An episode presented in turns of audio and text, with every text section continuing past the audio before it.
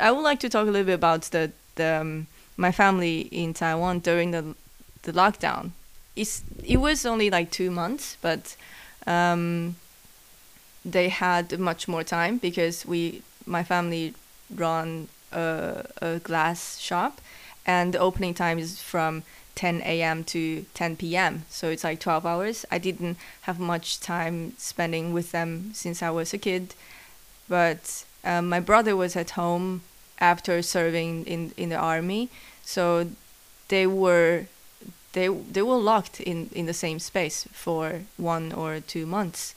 So they were like watching Netflix together and they were playing Switch. They were playing ping pong on the the dining table, and for me to to see that I was I envy them. I envy that time.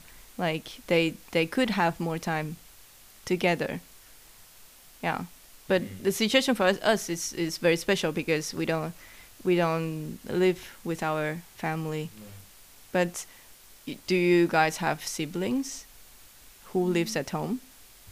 Um, yeah, but um, I just want to also reply, like respond, like the experience you have, and also a little bit feeling at ease with your like family members, and uh, just remind me like and and the beginning of the outbreak came to the Norway. I remember so much is because um, when I was just walking in the street in Oslo, because I was having a yellow face. Actually, I receiving Mm, yeah. several time from the stranger look down at me or like trying to uh, running away from me. Yeah, or like keep distance. Yeah, and Yeah. that was really uh, make me feel kind of surprised. Like still we have this kind of like racism or like this kind of uh, situation happens, and then I think when the um, pandemic came a little bit for a while, and then now the people have like certain like common sense. What to happen? What are we going to do? Now we're going to wear the mask, because the people from Hong Kong we had the experience to suffering the um, the SARS in the 2003 True, Taiwan as so well. yeah, so we actually have like basically have a common sense. What going to happen with the virus? That is what we're going to do. We're going to wear the mask. But when we arrived here, when when I just wear the mask in the tram, people just look so surprised at me, Yeah. and that's also something I feel kind of like surprised and impressed. Like we having a different level of understanding what what kind of situation we are facing now. And but the thing is because I went back to Hong Kong on January this year for my graduation show for one and a half month. The thing is, when I just arrived to Hong Kong after finishing my quarantine, when I just arrived to the Western area, people look down at me too because I came from other country Yeah, and they true. also really scared I bringing carrying some fibers with me. So this kind of like um, being a vulnerable or being like a person like um, stranger or like a person looks like very dangerous it could be suddenly randomly uh, you you can become that person. So just also make me feel um bit uh, surprised. Did you feel like extra vulnerable since, like, no matter where you were, everyone saw you as a threatened. Like, uh, you, you weren't feeling comfortable in that situation, and it's like, when I when I go back to Taiwan or when I'm here, I don't feel like home. And when you were, you know, facing that extra, um. Yeah, from the people. Mm, I don't really take it personally because this could happen for everyone, and it just kind of kind of nice in the in a good way. It's like this could happen to everyone. It's actually like a collective trauma. So in a way, it's also we have to have much more empathy for other people, and because this is also something I'm trying to learn myself. Like when someone getting sick, I was also trying to keep a distance. Like I also don't want to get sick. Yeah, with But- someone coughing in a Yeah. tram or something. But in a way, I also can imagine like if he or she see a person suddenly like react so hard when he just cough, he also maybe feel really bad about that. Yeah, that's the So- interesting thing because um, when Corona was quite serious, uh, I was on a bus with someone who was coughing like very seriously coughing. But there was a Norwegian girl who sat next to the person and she didn't dare to move away because she didn't want to make him feel bad. Mm. But it is it was dangerous for for her to s- Yeah. just sat next to the person who was coughing. And I did feel like that as well. Like sometimes if someone coughs at on the bus or on the tram, I was like just moving slightly of my body, but I didn't Yeah. I didn't want to move my seat. Yeah. Yeah. We were been talking about in our apartment like we don't have the principle to get sick to be honest.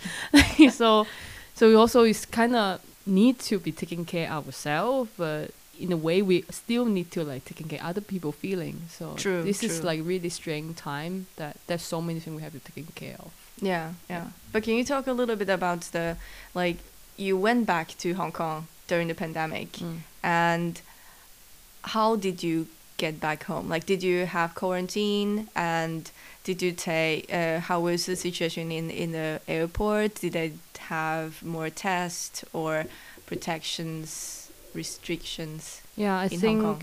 Hong Kong is one of the place that have such a crazy strict uh, restriction uh, about the COVID pandemic.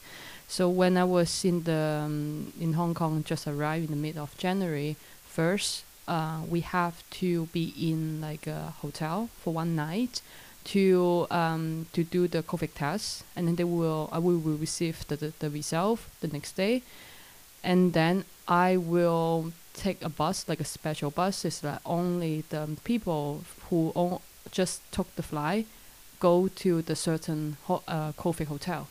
And then during this whole journey, basically, I can't con- connect or contact any person in the physical. And I will stay in that COVID hotel for 14 days.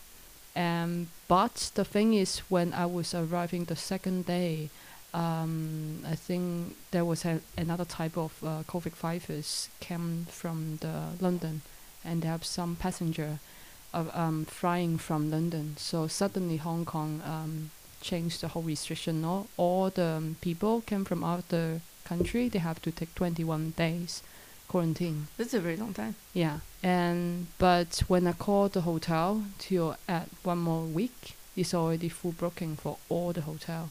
So they give me exception. I can do the last seven days in my place, my home, but having this kind of like um, experience to be in the COVID hotel for entirely like 14 days, you you you actually questioning yourself: Are you in a jail? Because basically, if you just walk into the corridor, you are you are actually attacked to the law, so the police can basically arrest you.